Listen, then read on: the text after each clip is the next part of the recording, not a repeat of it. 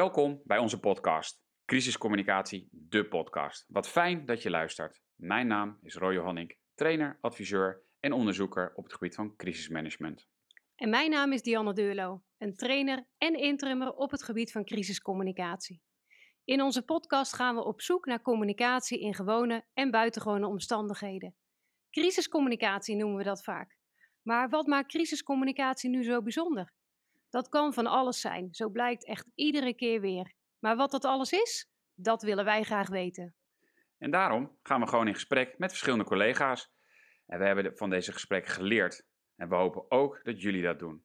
Vergeet je dus niet te abonneren op deze podcast. Veel luister en leerplezier.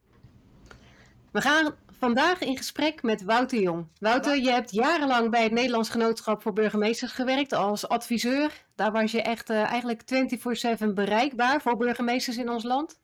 Op dit moment werk je voor de Onderzoeksraad voor Veiligheid aan de evaluatie van de COVID-crisis. En verder geef je nog het bijvak crisiscommunicatie aan de Universiteit Leiden. Um, op je LinkedIn-pagina sta je um, ja, heb, je, heb je als volgt omschreven. In een notendop doe ik aan crisismanagement in een politieke en media-hypende omgeving. Met als specialismen crisisbeheersing, rampenbestrijding, crisiscommunicatie, risicocommunicatie, issues management, reputatiemanagement, bestuurlijke afwegingen en public affairs. Nou, dat is een mondvol met een heleboel uh, specialismen. Um, daar willen we graag gelijk eens even op ingaan. Want wat maakt nou volgens jou crisiscommunicatie zo anders dan al die andere specialismen? Ja, ik, ik heb het, uh, het rijtje aan specialismen. Dat geeft misschien eigenlijk ook wel aan dat er heel veel overlap is tussen al die verschillende specialismen. hè, bijvoorbeeld met crisiscommunicatie maak je ook gebruik van methodes die je ook in de public affairs uh, ziet. De public affairs gaat vooral over het beïnvloeden van de publieke opinie. Nou ja, dat is natuurlijk ook in de kern wat je tijdens crisis doet. Maar ik denk wat crisiscommunicatie met name onderscheidend maakt, is toch het, het onverwachte aspect ervan. Uh, van het ene op het andere moment zit je opeens in een hele andere film en, en moet je daarop acteren. Moet je in kaart brengen wie, wie je stakeholders zijn, wat de verwachtingen zijn van al die verschillende partijen. En dat is eigenlijk ook wel ja, in de kern wat in de literatuur ook wel wordt gebruikt als definitie voor crisiscommunicatie, het de, de unpredictable event, om het zo te zeggen, um, die de verwachtingen beïnvloedt van al die partijen uh, die, waar jij als organisatie een uh, relatie mee hebt. En het interessante van crisis vind ik daarin ook wel het aspect dat je eigenlijk in de crisis soms ook hele nieuwe relaties moet gaan, uh, gaan leggen. Opeens krijg je met partijen uh, te maken, kom je met partijen in aanraking waar je van tevoren nooit over hebt nagedacht, omdat je in vredestijd nooit met die, uh, met die partijen te maken hebt. Denk aan een, een organisatie waar opeens een, een grote brand uh, uitbreekt op een chemisch complex. Ja, dan heb je opeens met een inspectie misschien te maken in een rol of een hoedanigheid waar je daarvoor niet mee te maken had. Of je zit in de business-to-business omgeving en dan heb je opeens wel met omwonenden te maken, waar je normaal gesproken minder die relatie mee hebt. Dus dat maakt het, uh, het anders. Het, uh, het onverwachte en, het, uh, ja, en de stakeholders waar je opeens mee te maken kunt krijgen. Ja, en dat onverwachte, want ehm, ja, dat klinkt natuurlijk heel bekend in de oren. Ja, hoe, hoe kun je je daar dan op voorbereiden? Hoe help jij mensen om zich daarop voor te bereiden? Nou, als je langer in, in, in die crisiswereld rondschouwt, dan is het ook wel weer frappant hoe vaak crisis toch wel weer op elkaar lijken. Er zijn vaak variaties op een, uh, op een thema. En daar kun je dus toch heel veel van leren door ook heel veel te kijken bij wat zijn nou crisis die bij de buren zijn geweest. Um, toen ik bij het genootschap van burgemeesters werkte, ging ik ook altijd uh, langs bij net uh, of nieuw benoemde burgemeesters. En dan zei ik ook altijd: het eerste waar je eigenlijk over, of wat je moet realiseren in een crisis is, nou, het zou toch wel stom toevallig zijn als ik de allereerste in Nederland ben met deze crisis. En dan eigenlijk bouw je daarop uh, op voort, uh, terugpakkend op de lessen uh, die door anderen al geleerd zijn en, en ja, daar, je, daar je voordeel mee doen. Altijd wel rekening houdend, uiteraard, met de couleur lokaal. De context kan altijd net even anders zijn. Maar vaak waren de adviezen die ik gaf toen ik bij het genootschap werkte en in de beginjaren dat Roy daar ook bij werkte, was het toch vaak een advies wat was opgebouwd uit, nou ja, een lesje Alkmaar, een scheutje Valkenswaard en, uh, en dan nog een, uh, nog een vleugje Terneuzen erbij. Dat gooiden we in de blender en dan was dat het advies.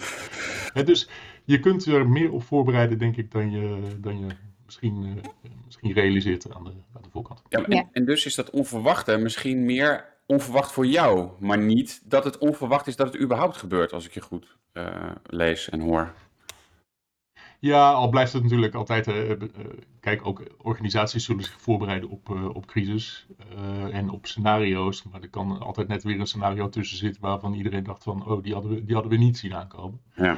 Maar dan, dan nog blijft inderdaad mijn, mijn lijn van, nou ja, vaak is het dan toch wel aan, aan lessen, ook in communicatielessen, zijn de best practices toch wel, die liggen bijna voor het oprapen in de buitenwereld. Ja. En voor een deel kun je daar natuurlijk wel op voorbereiden door van tevoren al wel eens na te denken over de meest basale scenario's waar je, waar je wel rekening mee kan houden. Uh, door dan eens even langs te gaan van wat zijn dan de partijen waar ik mee te, te dealen heb. Ja. Werk je bij een woningbouwcorporatie? Ja, goh, hebben we hier wel een grote brand? Goh, wie moeten we dan hebben bij allerlei verschillende partijen? Ja. En um, jij zei net iets over uh, uh, lessen. Hè? En uh, je kan je voorbereiden, we leren van elk incident. Um, is, er, is er één les die er altijd is en die je altijd als adviseur ook meegeeft? Of ik denk dat er meerdere zijn wel, maar welke, en welke zijn dat dan? Is natuurlijk mijn vraag. Ja, kijk, de, de, ook gaandeweg hoor. Um, we hebben heel lang natuurlijk heel veel evaluaties gehad waarbij het altijd uh, eindigde met ja, en de communicatie moet beter. ja. Dus ik denk ook wel een les is, uh, communicatie is een heel krachtig instrument. En vaak is dat ook een van de belangrijkste instrumenten. Ik bedoel, het betekent niet dat je met communicatie alles oplost. Je moet nog steeds de brandweer bellen, maar communicatie is heel krachtig. Maar op een gegeven moment kun je ook voorstellen dat de rek eruit is. Het is geen toverstafje wat alle problemen oplost. Dus ik denk ook dat je vanuit communicatie moet meedenken met een crisisteam. En of dat nou een gemeentelijk beleidsteam is of in een organisatie, in het bedrijfsleven. Dat je altijd duidelijk moet zijn van dit is wat we, wat we gaan doen en dit is wat we voorstellen. Maar wel het, tot hier is wat we kunnen beïnvloeden. Maar uiteindelijk, als er slechte maatregelen worden afgekondigd, ja, dan praat je dat met, met goede communicatie ook niet meer recht. Hè. Het moet wel consistent met elkaar zijn. Um, dus het besluit en de, de communicatie moeten consistent met elkaar zijn. Uh, en dat is zelf ook een les hoor. Het is niet van dat ik hier met een glazen bol zit en dat ik alle, alle lessen al, uh, al weet. Ik heb dat zelf ook wel met vallen en opstaan uh, moeten leren. Ehm, een crisis waar ik deze les bijvoorbeeld ook uit heb geleerd, dat was Project X in Haren. Het, nou ja, het feestje nadat een 16-jarig meisje toen een uitnodiging zette op Facebook voor haar verjaardag. En ja, die uitnodiging die werd min of meer gekaapt. En uiteindelijk kwamen er 8000 mensen naar dat huis om uh, het feestje te vieren. En dat mondde uiteindelijk uit in rellen. En toen is dat geëvalueerd en daarin stond wel een, een hele belangrijke les. Ik ben niet eens met alle lessen in die evaluatie, maar dit was wel een belangrijke les. En daarin werd ook gezegd, ja, als je zegt, uh, dit feestje dat gaat er, gaat er niet komen en uh, als burgemeester verbied ik dit feestje, dan moet dat ook op straatniveau duidelijk zijn. dus ook vanuit de politie, de operatie moet eigenlijk hand in hand gaan met wat je zegt. Dus als je op de persconferentie zegt dat feestje gaat er niet komen, dan moet ook op straatniveau duidelijk zijn met MB of met een afzetting of weet ik het wat, met maatregelen die dat signaal eigenlijk ondersteunt. Je kan het niet alleen met communicatie doen, maar het moet ook synchroon met elkaar lopen. Als je als politie iets anders uitstraalt, omdat je toch de jongeren met kratjes bier uh, door laat lopen richting dat huis, terwijl er op de persconferentie was gezegd dat we dat niet tolereren, ja, dan, dan, dan trek je dat ook niet met communicatie meer recht. En Wouter, ik denk dat jij in Nederland uh, een van de weinigen bent die bijna alle evaluaties waarschijnlijk gelezen heeft. Uh, en, je triggert nu een beetje, want daar hebben we, het nog nooit echt expliciet over gehad. Dus het is wel leuk dat we deze pot ik word er ook altijd een beetje moe, wat je net zei. Van ja, en de communicatie heeft het weer gedaan. Maar eigenlijk wat je nu ook zegt, is dat er verbinding moet zijn met, alle, uh, met ook andere processen. En dan wordt er naar communicatie gekeken alsof dat communicatie, en dat is jouw uitspraak, vind ik al mooi, want die heb je al geduid. Hè, communicatie is geen toverstokje. Maar dus ligt het eigenlijk niet aan communicatie, maar meer aan de andere processen. Vind ik. Nou, ik vind ook wel vanuit de communicatie moet je ook je verantwoordelijkheid nemen. Hè? Het is niet zo van ja, als de besluiten goed zijn, dan hebben we het goed gedaan. En als de besluiten niet goed zijn, dan hebben we het niet aan de communicatie. Ja, Hè, we, moeten ook, ja.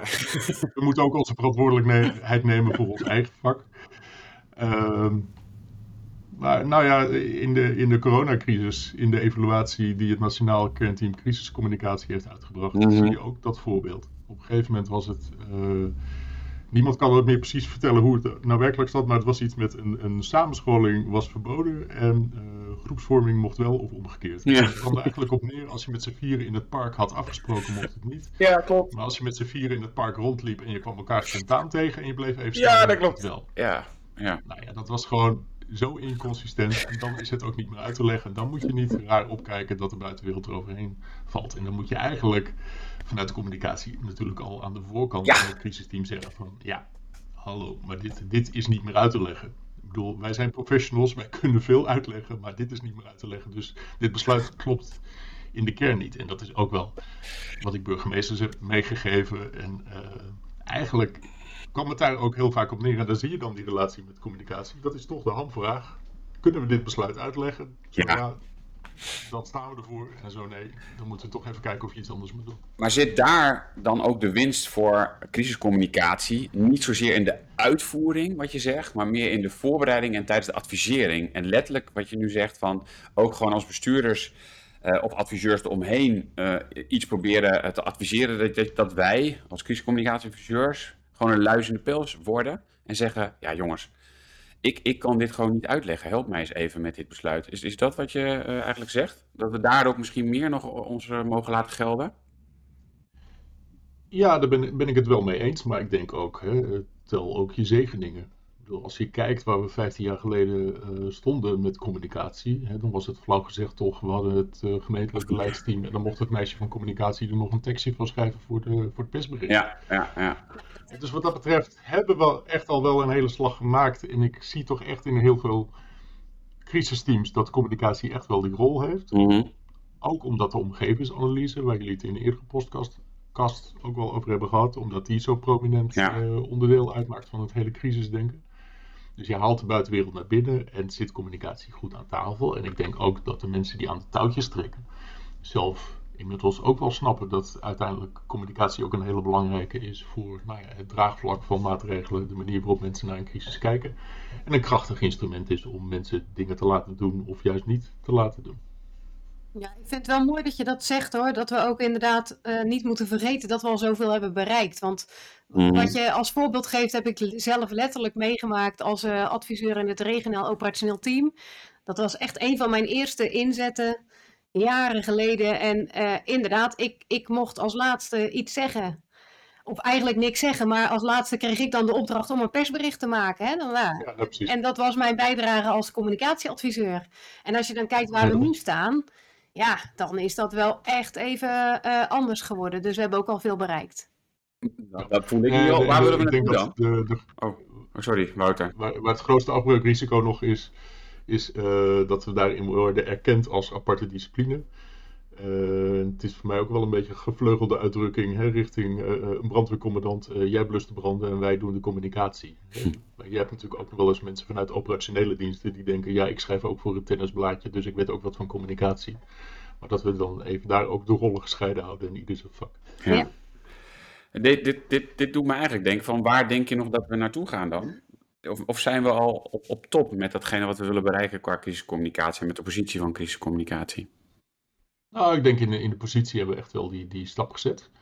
Uh, inhoudelijk zie je soms wel natuurlijk dat je door crisis dat er toch weer een component wat, wat minder goed vertegenwoordigd is. Als je kijkt nu naar de crisiscommunicatie in corona, zag je eigenlijk ook weer bij de Rijksoverheid uh, dat in deze crisis veel meer dan eerdere crisis die gedragscomponent veel ja. belangrijker was. He, daarvoor zaten we toch vaak veel meer op die betekenisgeving, die duiding he, na een aanslag en het onder woorden brengen van, van de schok en wat er, uh, wat er aan de hand was. En was de instructie op gedragsniveau uh, bleef ook op een, uh, bij een lokale brand, zeg maar, ging dat niet veel verder dan sluit ramen en deuren en blijf uit de rook, want rook is altijd gevaarlijk. Ja.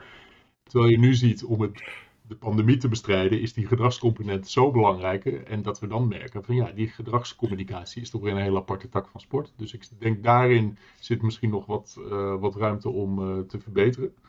Uh, maar in, in, de reguliere setting, in een regionaal beleidsteam of in een uh, gemeentelijk beleidsteam, denk ik dat, dat we met communicatie echt al wel een hele slag gemaakt hebben. En zolang we die vraag blijven stellen, kunnen we het besluit uitleggen wat we nu hebben genomen. Durven we ook de onzekerheid te benoemen, hè, dat we misschien nog niet alles weten, om juist die buitenwereld ook mee te nemen. in, ja, we zijn ermee bezig, we zitten er bovenop en we hopen over een uur meer informatie te kunnen geven. Maar voor de time being is dit wat we van nu verwachten. Denk ik, nou dan, dan doen we het toch best, best goed. En zie je ook, ehm, kijk, want je hebt inderdaad meer dan tien jaar bij het Nederlands Genootschap van Burgemeesters gewerkt. Zie je ook en nu, nu je dit zo zegt, dat, dat ook de rol van de burgemeesters in de manier waarop ze crisiscommunicatie hebben vormgegeven, dat die veranderd is. En wat betekent dat dan voor de adviseurs om een burgemeester heen? Kan je daar, kan je zeg maar eens die geschiedenis van, nou, eh, van, van 2000 bijna tot, tot nu? Want ik, dat triggert me wel eigenlijk van, misschien moeten we ook eens kijken waar we vandaan komen en waar we naartoe gaan. Wat betekent dat voor ons? Waar, welke weg hebben burgemeesters? Oh ja, kijk, als ik, als ik kijk naar de, de generatie burgemeesters die, uh, die de laatste tien jaar zijn binnengekomen, die, ja, die staan ook wel wat meer open voor, voor communicatie en advies. Ook omdat ze, denk ik, realiseren hoe belangrijk het is. Ook mhm. voor de, de waardering en de manier waarop er ook naar de burgemeester wordt, wordt gekeken. Dus dat het voor hun ook wel een hele belangrijke tool is. Uh, de oude generatie burgemeesters, om het zo te zeggen, ja, dat was toch een beetje hè, de burgemeester van het oude stempel. Dat waren die hadden toch wat meer de, dezelfde wijsheid in pacht, om het, eh, om het zo te zeggen. Maar die zaten dan, nou ja, zoals ik dat net zei, meer op die oude lijn van uh, communicatie is vooral zenden. Um, dus daarin zie ik wel wat, wat veranderingen. De nieuwe burgemeesters, ik denk die ja, kunnen ook hun eigen positie af en toe wat meer relativeren. Hè. Het draait niet meer allemaal om de burgemeester zelf. Maar je snapt dat je een functie hebt in het grotere geheel. Um, ik zie ook maar dat is een, een, een aanverwant thema, maar dat burgemeesters. Ik heb in, eh, zelf een, een, promotieonderzoek gedaan naar de rol van burgemeesters in crisis. En dan zie je dat niet alleen die communicatiekant een hele belangrijke is, maar bijvoorbeeld ook wat ze doen richting nabestaanden en getroffenen van rampen. Nou, ik denk dat ze daar ook wel een hele ontwikkeling hebben, hebben gemaakt. Door meer oog te krijgen ook voor wat, uh, wat je kunt betekenen voor getroffenen na crisis en, uh, en rampen. En, en want in de, ja, dat hoeft dus niet altijd zichtbaar te zijn. Wat, je nu, wat ik nu. Kijk. Nee, maar dat, dat is natuurlijk ook iets. En dat kunnen we misschien zelf als, als communicatieprofessionals ook wel uh, leren en, en meenemen. De focus na een ramp of een crisis. Hè, stel, er, er gebeurt iets, een verkeersongeluk met drie jongeren in een, in een dorp. Is het hele dorp van de kaart. Lag de focus ook vaak in onze advisering toch vaak op wat doet het met het dorp. Mm beetje de stille tocht of de herdenking voor het, uh, voor het dorp. Uh, terwijl die individuele kant ook een, een hele belangrijke is. De individuele kant, en daar bedoel ik dan mee de nabestaanden van die drie jongeren in dat geval. De drie families die erachter zitten of de vriendengroep. Mm en daarin zie je dat de burgemeester een hele belangrijke schakel kan vervullen. Door juist ook met die mensen af te stemmen. En, en ook eigenlijk soort van de, proberen de balans aan te brengen tussen wat wil het dorp. Die willen een grote collectieve herdenking. Uh, en wat, wat willen de nabestaanden en hoe zorgen we dat we dat in balans houden. Ook om te voorkomen dat er psychosociale schade optreedt, omdat je, ja, we hebben in het verleden ook wel eens uh, situaties gehad waarbij nabestaanden zeggen, ja, het is allemaal leuk en aardig dat ze die stille tocht hebben georganiseerd, maar wij hebben het idee dat het dorp met onze rouw op de loop gaat. Mm dus dat is, is inderdaad wat je zegt, Roy, meer achter de schermen, maar wel een hele, hele belangrijke... Uh, ja, belangrijke rol die burgemeesters daarin hebben. En ik denk dat zeker ook qua crisis heeft denk ik ook wel MH17 daar ook wel een versnelling in aangebracht. Dat daar veel meer oog voor is gekomen. En ik heb een onderzoek gedaan onder burgemeesters ook wat hebben ze na de MH17 gedaan. En eigenlijk zonder uitzondering zijn ze allemaal ook bij die nabestaanden langs gegaan. Om juist dat collectieve, wat doe ik voor die geschokte samenleving en wat willen familie en, en mensen die daarachter zitten, uh, om dat bij, aan elkaar te verbinden eigenlijk. En dan is uiteindelijk ook in zo'n herdenking en ook in die contracten met familie is communicatie uiteindelijk wel weer een hele belangrijke.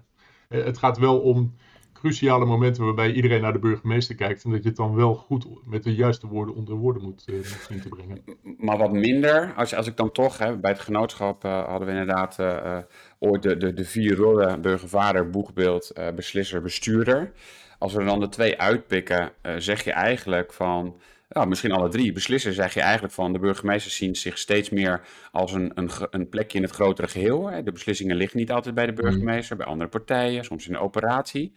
En wat je volgens mij zegt is dat het gezicht bepalende persoon, het hoeft niet zo te zijn dat de burgemeester maar continu voor de media, voor de camera staat. Maar ik zie een verschuiving naar meer die burgervaderrol En dat is ook volgens mij wat je promotieonderzoek ziet. En, en dat is ook communicatie, maar dat zit veel meer minder uit, uit de media, maar meer in de maatschappij letterlijk. Is dat een beetje een duiding of zeg van, nou, ja, nou kijk, en dat, dat is natuurlijk ook, hè, als je het net hebt over de oudere generatie burgemeesters en, en nieuwere generaties, dan is het inderdaad, vroeger zou de burgemeester ook heel graag en heel nadrukkelijk op die voorgrond willen staan. Mhm. En nu snappen burgemeesters ook van, joh, als, als die voetbalclub of de hockeyclub een herdenking organiseert, is dat ook prima. Mhm. Het hoeft niet per definitie uh, iets te zijn waar de gemeente het, uh, het voortouw in neemt. En dan kun je ook, hè, je kunt er wel naartoe en dan ben je erbij aanwezig, maar het is een initiatief van de hockeyvereniging of de voetbalvereniging en, uh, en laat het ook, uh, ook daar. Dus in, in die zin wel. Ik heb zelf in mijn promotieonderzoek juist die boegbeeldrol wat proberen te verfijnen. Mm -hmm. Omdat ik het een beetje een containerbegrip uh, vond worden. En zeker ja, hè, de, burgerme de burgemeester als burgervader, burgermoeder. Ik denk van ja, daar zit misschien ook wel wat nuance in. Want ik heb ook wel eens de voorbeelden dat de burgemeester bij wijze van spreken snikkend op televisie stond om te vertellen wat voor drama er nu weer was gebeurd. Dat de hele buurt dacht van ja, nee, het is, het is allemaal verschrikkelijk, maar wij kennen die mensen niet waar, het nu over, waar die het over heeft. Omdat het ene gezin geworteld is in die lokale samenleving en die andere daar toevallig misschien wonen, maar helemaal niet zo die, die maatschappelijke banden hebben, waardoor het ene, de ene crisis ook anders valt dan de, dan de andere crisis. En wat ik heb gedaan in mijn onderzoek is ook gekeken van, nou ja, en wordt die boegbeeldrol nou ook anders?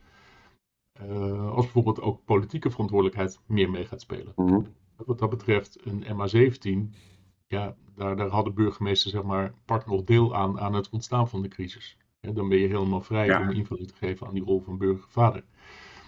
Maar denk je aan een, een, uh, nou ja, het ongeluk met de monstertruck in, in Haaksbergen bijvoorbeeld, waarbij ook drie mensen om het leven zijn gekomen. Ja, dan kun je zeggen van ja, wat, wat verschrikkelijk dat dit is gebeurd, uh, Haaksbergen. En dan zal heel Haaksbergen zeggen, ja leuk burgemeester dat u meehelpt, maar volgens mij heeft u de handtekening onder de vergunning gezet. En dan wordt communicatief gezien misschien ook dus weer je, je speelruimte wat, uh, wat anders. En dat betekent dus ook iets voor de rol die je daarin uh, invult. Ja, dat is mooi. En kunnen we dan misschien met z'n drietjes in deze podcast uh, ook eens afstappen van uh, de uitspraak dat de burgemeester binnen een uur een statement moet geven? He, want dat is iets wat we natuurlijk vaak nog tegenkomen, omdat dat ooit een keer een prestatie-eis is geweest. Um, en wat we toch ook nog wel vaak horen van ja, maar dat moet dus ongeacht of het nou nodig is of uh, uh, de bevolking uh, erom vraagt, we moeten daaraan voldoen. Vorige week nog tijdens een doorleefsessie zei iemand ja, van, oh, de burgemeester moet binnen een uur duiden. Ja. Ja. Ja, alsof de samenleving op drift raakt als de burgemeester niet geteld wordt. Het is toch vaak onder woorden brengen van het collectieve gevoel en dat doe je met mooie woorden. En dat wordt wel gewaardeerd, maar het is niet zo dat... Uh, om even op jouw opmerking aan te slaan, die, uh, Janne, het, eigenlijk op het moment dat het, het komt volgens mij voort uit een ouder, oudere studie bevolkingszorg op orde. Mhm. En daar stond het voor het eerst in en toen, toen heb ik mij er al veel tegen verzet omdat het dan bijna breng je communicatie terug tot een soort van checklistje van, uh, nou ja, hè, binnen het eerste uur moeten we dit en dit en dit allemaal hebben gedaan. En dat gaat eigenlijk voorbij aan, nou ja, juist weer wat heeft deze samenleving in deze context nodig. En, en uh, een moord binnen een gezin wat, wat met twee benen in die lokale maatschappij staat, dan zul je daar meer moeten doen dan wanneer er ook een moord gebeurt, maar op het industrieterrein uh, buiten, buiten het dorp, waarbij er toch iets van een vermoeden is van dat het in de drugswereld zich afspeelt. Ja? Het, het, ene incident is het andere incident niet. Het ene heeft impact, het andere heeft niet. En dat betekent dat er, dat er iets wordt verwacht van die, uh, van die burgemeester. Ja, dus zul je altijd die analyse moeten maken, zul je altijd je doelgroepanalyse moeten maken en zul je moeten weten waar die behoefte ligt. Ja, nou en, en die duiding vind ik dus ook wat meer heb ik toch altijd geïnterpreteerd als wat meer hè, die, die emotie kanaliseren, zoals Uri Rosenthal dat altijd uh, zei. Uh, het onder woorden brengen van die emotie. Maar ja, ik geef in presentaties ook wel het voorbeeld, hebben we een grote stroomstoring. Ja, dat is vooral heel vervelend voor de mensen. En de mensen willen vooral rationeel weten wanneer zit de stroom er weer op burgemeester. Maar er zit echt niemand te wachten op een burgemeester die heel empathisch uh, zegt van... goh meneer Johannink, wat een drama dat uw diepvrieskip is ontdooid. Barbecuen. Ja. Wij, willen, wij willen weten wanneer het, uh, wanneer ja. het er weer op zit. Ja. Hey, en toch, want dit triggert. ehm, zijn er wel kwaliteitseisen volgens jou? Want je hebt inderdaad veel gelezen, weet ik dan, en veel evaluaties. Je zit nu midden in het onderzoek van de, van de onderzoeksraad. Zijn er, zijn er überhaupt kwaliteitseisen te stellen volgens jou aan, eh, aan, aan waar crisiscommunicatie aan moet voldoen? Ik zou me, ik zou me heel, eh, heel lastig vinden. Ehm, en uiteindelijk is de belangrijkste kwaliteitseis is over communicatie is de verantwoording in de gemeenteraad. Eigenlijk is die kwaliteitseis dus, heb je het gevoel voor wat het doet met die lokale samenleving en waar die lokale samenleving behoefte aan heeft. Ehm, en dat kan in Amsterdam-West iets anders zijn dan wanneer hetzelfde incident in Harlingen gebeurt. Dus ja, als je daar dezelfde kwaliteitseisen op gaat, gaat leggen, zo van ja, als er een ongeluk is met meer dan drie doden, dan moet er een statement uit. Ja, ehm, ik, ik zie het niet gebeuren. En dan wordt het heel, heel kunstmatig. En juist volgens mij is dit nou echt een vak waar je de, de flexibiliteit moet, eh, moet houden. En dat is, dat is natuurlijk ook gewoon echt fundamenteel anders dan de, dan de brandweer. Ik bedoel, die, die weten van ja, we hebben een metertje en als het boven de 80 uitslaat, dan moeten we met schuim gaan blussen. Ja, prima. Daar kun je kwaliteitseisen op, eh, op doen, maar voor, eh, voor communicatie vind ik hem daarin, daarin lastiger. Ja, nou eigenlijk, er, klinkt toch wel wat in je door, volgens mij. Want volgens mij wat je zegt ook, is dat eh, het misschien vooral de maatschappij als uitgangspunt. En als inderdaad de, de maatschappij het idee heeft ehm, nou ja, dat ze de juiste informatie hebben gekregen. En vanuit de strategie redeneert. We hebben de juiste informatie gekregen, waardoor we zelf een afweging konden maken of het wel of niet veilig was. We hebben, de, we hebben het gevoel dat de burgemeester ehm, dezelfde betekenis kon geven als dat wij aan het incident konden geven. Met het voorbeeld dat je net gaf. Dat, dat hangt dus echt af van waar het incident zich voordoet. Eh, en misschien als laatste inderdaad ook van, eh, we, hebben de, eh, nou ja, we, we hebben het ook het idee dat we voor onszelf de juiste informatie hebben gekregen van eh, eh, alles en dat er niks is verzwegen. Waardoor ook het vertrouwen in, in de overheid gewoon is en in de burgemeester. Van niet dat ze denken, "Hmm, hij houdt wat achter. Dus in die zin zou je misschien op, nou ja, zowel op informatiebehoefte, betekenisgeving als schadebeperking, zou je bij wijze van spreken daar de samenleving kunnen doen. Of op basis van, ehm, is, er, is de onrust minder geworden? Of, of is het vertrouwen gelijk gebleven of gestegen? Of heeft communicatie een bijdrage kunnen leveren aan de impact van een incident? Of wordt het ook te kunstmatig? Ja, ik, ik, eh, maar goed, dat is misschien ook dat ik te, te, te veel referenties heb en, en denk van ja, maar daar zou dat dan weer niet gaan, gaan werken. Ehm, transparantie, natuurlijk is iedereen voor transparantie, maar er zullen altijd incidenten zijn en die zullen dan wat meer in het strafrecht zitten. Een gijzeling, een, een eh, openbare ordeproblemen, avondklokkerellen, eh, noem maar op, waarin je dan denkt van ja, we hebben nu meer kennis dan de buitenwereld en ja, de buitenwereld krijgt het wel te horen, maar niet nu. Dan wordt timing bijna je belangrijkste instrument. Ehm, dus er, er is altijd weer wat op, eh, op af te dingen. Ehm, ik, vind, ik, vind hem, ik vind hem heel lastig om Ja. daar standaard kwaliteit eisen. Ik vind het vooral aan bijvoorbeeld dan een gemeentelijk beleidsteam. Die moeten, die moeten eigenlijk kunnen temperaturen van wat doet dit in het, eh, in het dorp of in de wijk waar het, eh, waar het gebeurt. En dan daar passend op, op reageren. En dat is in feite ook alweer een kerncompetentie van de lokale overheid. Ik bedoel, als je, Mhm. dat niet, eh, als je geen idee hebt daarin wat, er, wat de behoefte is van die samenleving. Maar het is ook te makkelijk om altijd te zeggen, nou ja, hè, eh, je moet altijd koersen op wat de behoeften van die lokale samenleving eh, zijn. Ehm, ja, want dat, dat, daar zijn, ik bedoel, in de meeste gevallen loopt, lopen alle groepen in de samenleving gelijk op. Maar soms zijn er natuurlijk ook wel eens tegenstellingen in de samenleving. Nou, je triggert weer, want grappig, ik, zo leuk. Het is, het- eigenlijk zeg je, en Kai van der Linden zei ons dat ook in een van de podcasts, waardoor ik dacht, huh? Eigenlijk zeg je ook van, we moeten niet altijd de maatschappelijke informatiebehoefte als uitgangspunt nemen, want soms kan dat gewoon niet. Of, Nou ja, kijk naar, naar Project X. Ik bedoel, er zijn 8000 jongeren die het leuk vinden om een feestje te bouwen. ja. En er zijn 18.000 inwoners van Haren die er geen zin in hebben. Ja. Nou, zeg mij maar naar wie je moet luisteren. ja, dus, en dat is natuurlijk ook juist waarom het bestuurlijke dilemma's zijn. Dat komt uiteindelijk bij elkaar in een crisisteam en die moet zeggen, gaan we linksaf of gaan we, gaan we rechtsaf? ja. En wat voor een burgemeester, zeker bij tegenstellingen binnen de lokale gemeenschap, ongeveer het belangrijkste is eh, wat, je, wat je moet doen, is toch die verbinding weten te houden. Ehm, uit mijn eigen onderzoek kwam dat eigenlijk ook wel naar voren. Ik bedoel, het, het, ehm, de grootste garantie op dat je moet aftreden na een crisis is als je voor een bepaald kamp gaat kiezen. Mhm. Dat je een keuze maakt binnen je lokale samenleving voor een bepaalde groep. waardoor je de aansluiting bij een andere groep kwijtraakt en je dus niet meer eigenlijk burgemeester van iedereen bent. Als je dat doet, ja, dan, dan, eh, dan uh, ga je op een hellend, uh, hellend vlak. Dus je zult altijd moeten uitleggen. Hè, denk aan, we hebben een belangrijke voetbalwedstrijd, maar er dreigen rillen in de stad, dus ik zal toch die wedstrijd moeten afblazen. Zul je toch altijd met veel empathie, ook richting de voetbalsupporters, moeten zeggen van ik snap hoe belangrijk die wedstrijd voor jullie was. Maar in dit geval, door alle omstandigheden, zien we even geen andere optie dan hem toch, uh, toch af te blazen. En daar is communicatie wel weer heel belangrijk in. Dat, uh, hoe je dat uiteindelijk verpakt en hoe je dan toch probeert mensen te overtuigen. En dat is ook wel iets wat we bijvoorbeeld ook kunnen leren vanuit de mediation, waarin ook wel wordt gezegd van hè, het gaat niet alleen om het besluit zelf, of mensen daar happy uh, of unhappy van worden, maar het gaat ook wel weer vaak om de uitleg. Als mensen snappen waarom je het besluit hebt genomen, hou je toch het draagvlak doorgaans, ook al zijn mensen het niet eens met het besluit.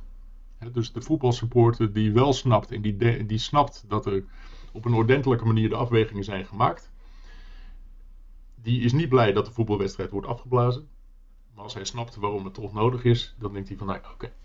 Ja, ik denk, we hebben in een andere podcast eh, van iemand geleerd, je moet eigenlijk altijd alles ondertitelen. En dat is dit ook. Je moet ondertitelen waarom je dat besluit neemt. Hè. Leg het uit uh, uh, met, met de, de empathie als dat nodig is, inderdaad. Misschien is het wel um, een gevoel dat mij een beetje bekruipt soms, dat de omgevingsanalyse zo belangrijk is geworden in ons vakgebied. Hè. We kunnen niet meer zonder. Ik zeg ook wel eens, het is onze geheime wapen als communicatieadviseur, want wij hebben iets wat de ander dan in een crisisteam niet heeft. Tegelijkertijd zorgt er misschien wel eens voor dat we, um, omdat we het zo belangrijk hebben gemaakt, um, um, dat we ja, ons blind staren op de analyse. En het is maar de vraag, is de analyse juist? Hè? Want uh, wat hebben we geanalyseerd? Waar hebben we naar gekeken? En op welke manier hebben we gekeken? Uh, nou, vaak een online analyse. Hè. Vaak focust zich een omgevingsanalyse op wat er online verschijnt. Nou, niet iedereen uit zich online. En als je op basis van die analyse je communicatiestrategie bepaalt, is het de vraag of je het juiste doet. Um, dus soms wil ik ook wel eens wat tegengeluid en zie ik een omgevingsanalyse ook niet als heilige graal in crisiscommunicatie. Dat we altijd maar op moeten letten in, ja, wat is nou het echte sentiment? En dan zeg jij net, um, ja, de, de, de, daar is de lokale uh, organisatie gewoon goed in, omdat ze dat elke dag doen. Ze zitten elke dag in die omgeving, dus als het goed is, kennen ze die omgeving. Nee, en dat kan ook iemand zijn die, die op de boekhouding werkt, maar wel toevallig in de wijk of in de straat waar ja. er iets is gebeurd. Ja. Die kan misschien ook zeggen, ja, nee, maar dat is op nummer 53, dat is dat in dat gezin. Weet niet of dat mag vanwege de privacyregels, maar even los daarvan. Iemand kan dan wel net aangeven van, van wat er speelt of wat een, wat de context uh, is, wat het sentiment is in een buurt. Uh, je zag toen met, met de crisis rond de asielinstroom, met de AZC's ook wel, dat, hè, dan heb je soms van die spanningen. En dan lijken dat hele grote lokale spanningen, maar dan bemoeit ook heel Nederland zich, er, zich ermee. En dan is het soms ook wel eens even van, ja, wacht even. Wat, is, wat vindt mijn eigen bevolking en wat vindt de rest van Nederland? En dat de rest van Nederland zich met mijn crisis bemoeit.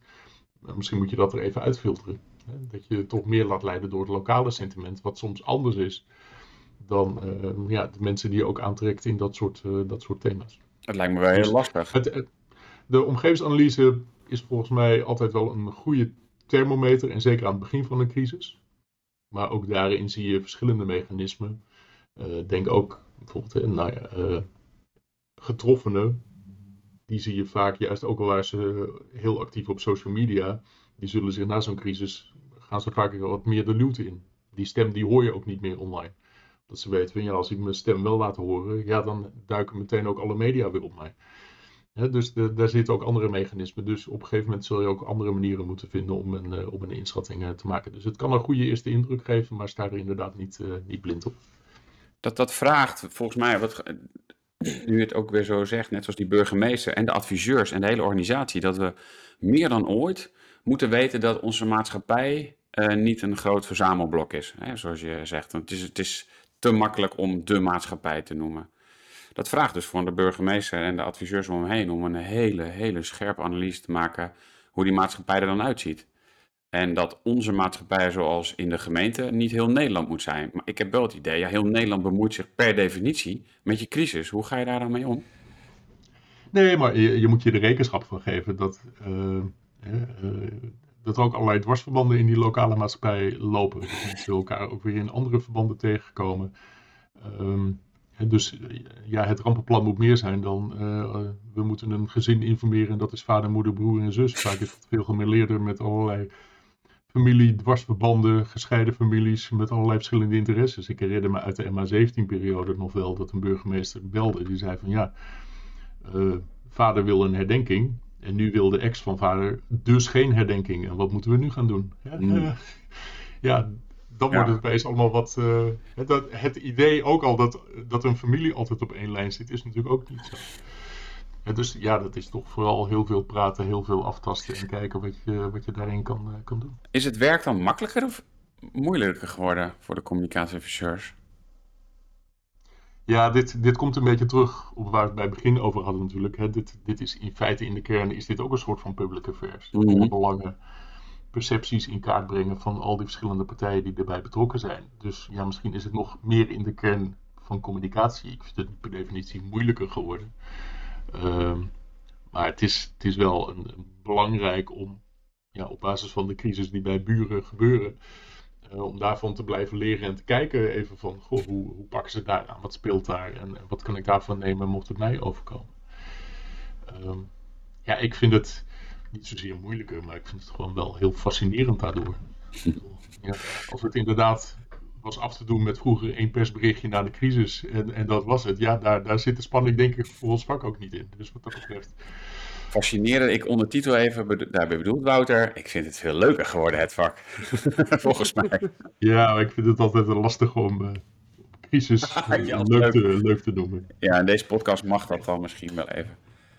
Maar, maar uh, mis, je, mis je wel eens, en ik weet ook dat je per ongeluk nog wel eens gebeurd wordt, of bewust door burgemeesters, mis je uh, zeg maar die dagelijkse aanstand, dat je 24 per 7 gebeld kon worden, of denk je van, pff, is ook wel even lekker zo? Of denk je van, hmm, ik ga misschien toch wel weer... Nou, ik, heb in die, die 13 jaar bij het genootschap, ik heb er absoluut van genoten. Uh, en uh, ja, het, het, heeft ook wel iets verslavends. En dat zul je bij veel meer mensen in uh, crisisbeheersing horen. Dat uh, ja, van het een op het andere moment moet je toch inderdaad aanstaan. Ik heb het wel eens gezegd, als een burgemeester dan belde over een crisis, voelde het ook wel eens alsof je een soort van mondeling examen moest uh, afleggen. Dat je meteen paraat een antwoord moest hebben. Ehm, wat ook wel leuk was, en dat had ik me daarvoor nooit gerealiseerd, is dat je ook meegroeit met je burgemeesters. Dus vroeger belden vooral de burgemeesters van de kleinere gemeenten. Uh, als er bij Femke Halsema iets gebeurt, ja, die heeft 40 man uh, adviseurs om zich heen. Maar ja, in een, in een gemeente als Borger, Odoorn of Loppersum of nou ja, een, een, kleinere gemeente, dan, dan was het toch vaak het genootschap wat belde. Alleen wat je in de loop der tijd zag, is natuurlijk dat ook die burgemeester uit Borger, Odoorn, die groeit ook door naar een grotere gemeente. En toen bleven ze wel, wel bellen. Dus uh, dat, dat maakt het wel leuk. En dan bouw je ook gewoon een relatie op. En wat je daarin denk ik ook wel meeneemt, is dat het dus ook voor een heel groot deel om het vertrouwen gaat wat je in de loop der jaren hebt gekregen van de beroepsgroep, wat je teruggeeft. Het, het was ook niet van, ja, meneer Jong die vertelt. Het, ik heb het toch altijd wel zo gezien als wij ontsluiten de collectieve kennis van de, van de beroepsgroep. Maar daar zit dus voor een heel groot deel ook het, het vertrouwen in wat je ook weer, uh, weer teruggeeft. En daar zat zeker iets verslavends aan, maar het feit dat je uh, niet altijd die telefoon bij je moet hebben, moet ik zeggen, dat geeft ook wel eens wat, wat rust. Dus ik denk dat het daarmee ook wel mooi is geweest. Uh, met, die, uh, met die 13 jaar. Ja. En nu wat meer beschouwend en analyserend bij de onderzoeksraad op dit moment met het COVID-onderzoek. En ik, ik kan ook absoluut mijn ei kwijt aan de universiteit en het schrijven van wetenschappelijke artikelen. Dus nou, er zijn ook andere manieren om toch je, je energie hoog te houden. Kijk. En dan natuurlijk de hamvraag. Waar word je wanneer burgemeester? Ja, dat is niet aan mij, hè? Dat is aan de koning. ja. Nou, Wouter, super bedankt. Uh, uh, leuk, uh, ja, leuk gesprek om met z'n drieën echt, ja, echt over ons vak. Want zo voel ik dat dan wel natuurlijk van veel meer mensen. Maar echt wel leuk om dit gesprek te voeren met z'n drieën. Dank voor jouw inzicht en ervaring. En uh, we komen elkaar ongetwijfeld weer tegen. Dank jullie wel voor de uitnodiging. Bedankt voor het luisteren. Wil je meer horen van onze zoektocht naar wat crisiscommunicatie zo bijzonder maakt? Vergeet je dan niet te abonneren op onze podcast. Tot een volgende keer. En delen, dat mag uiteraard.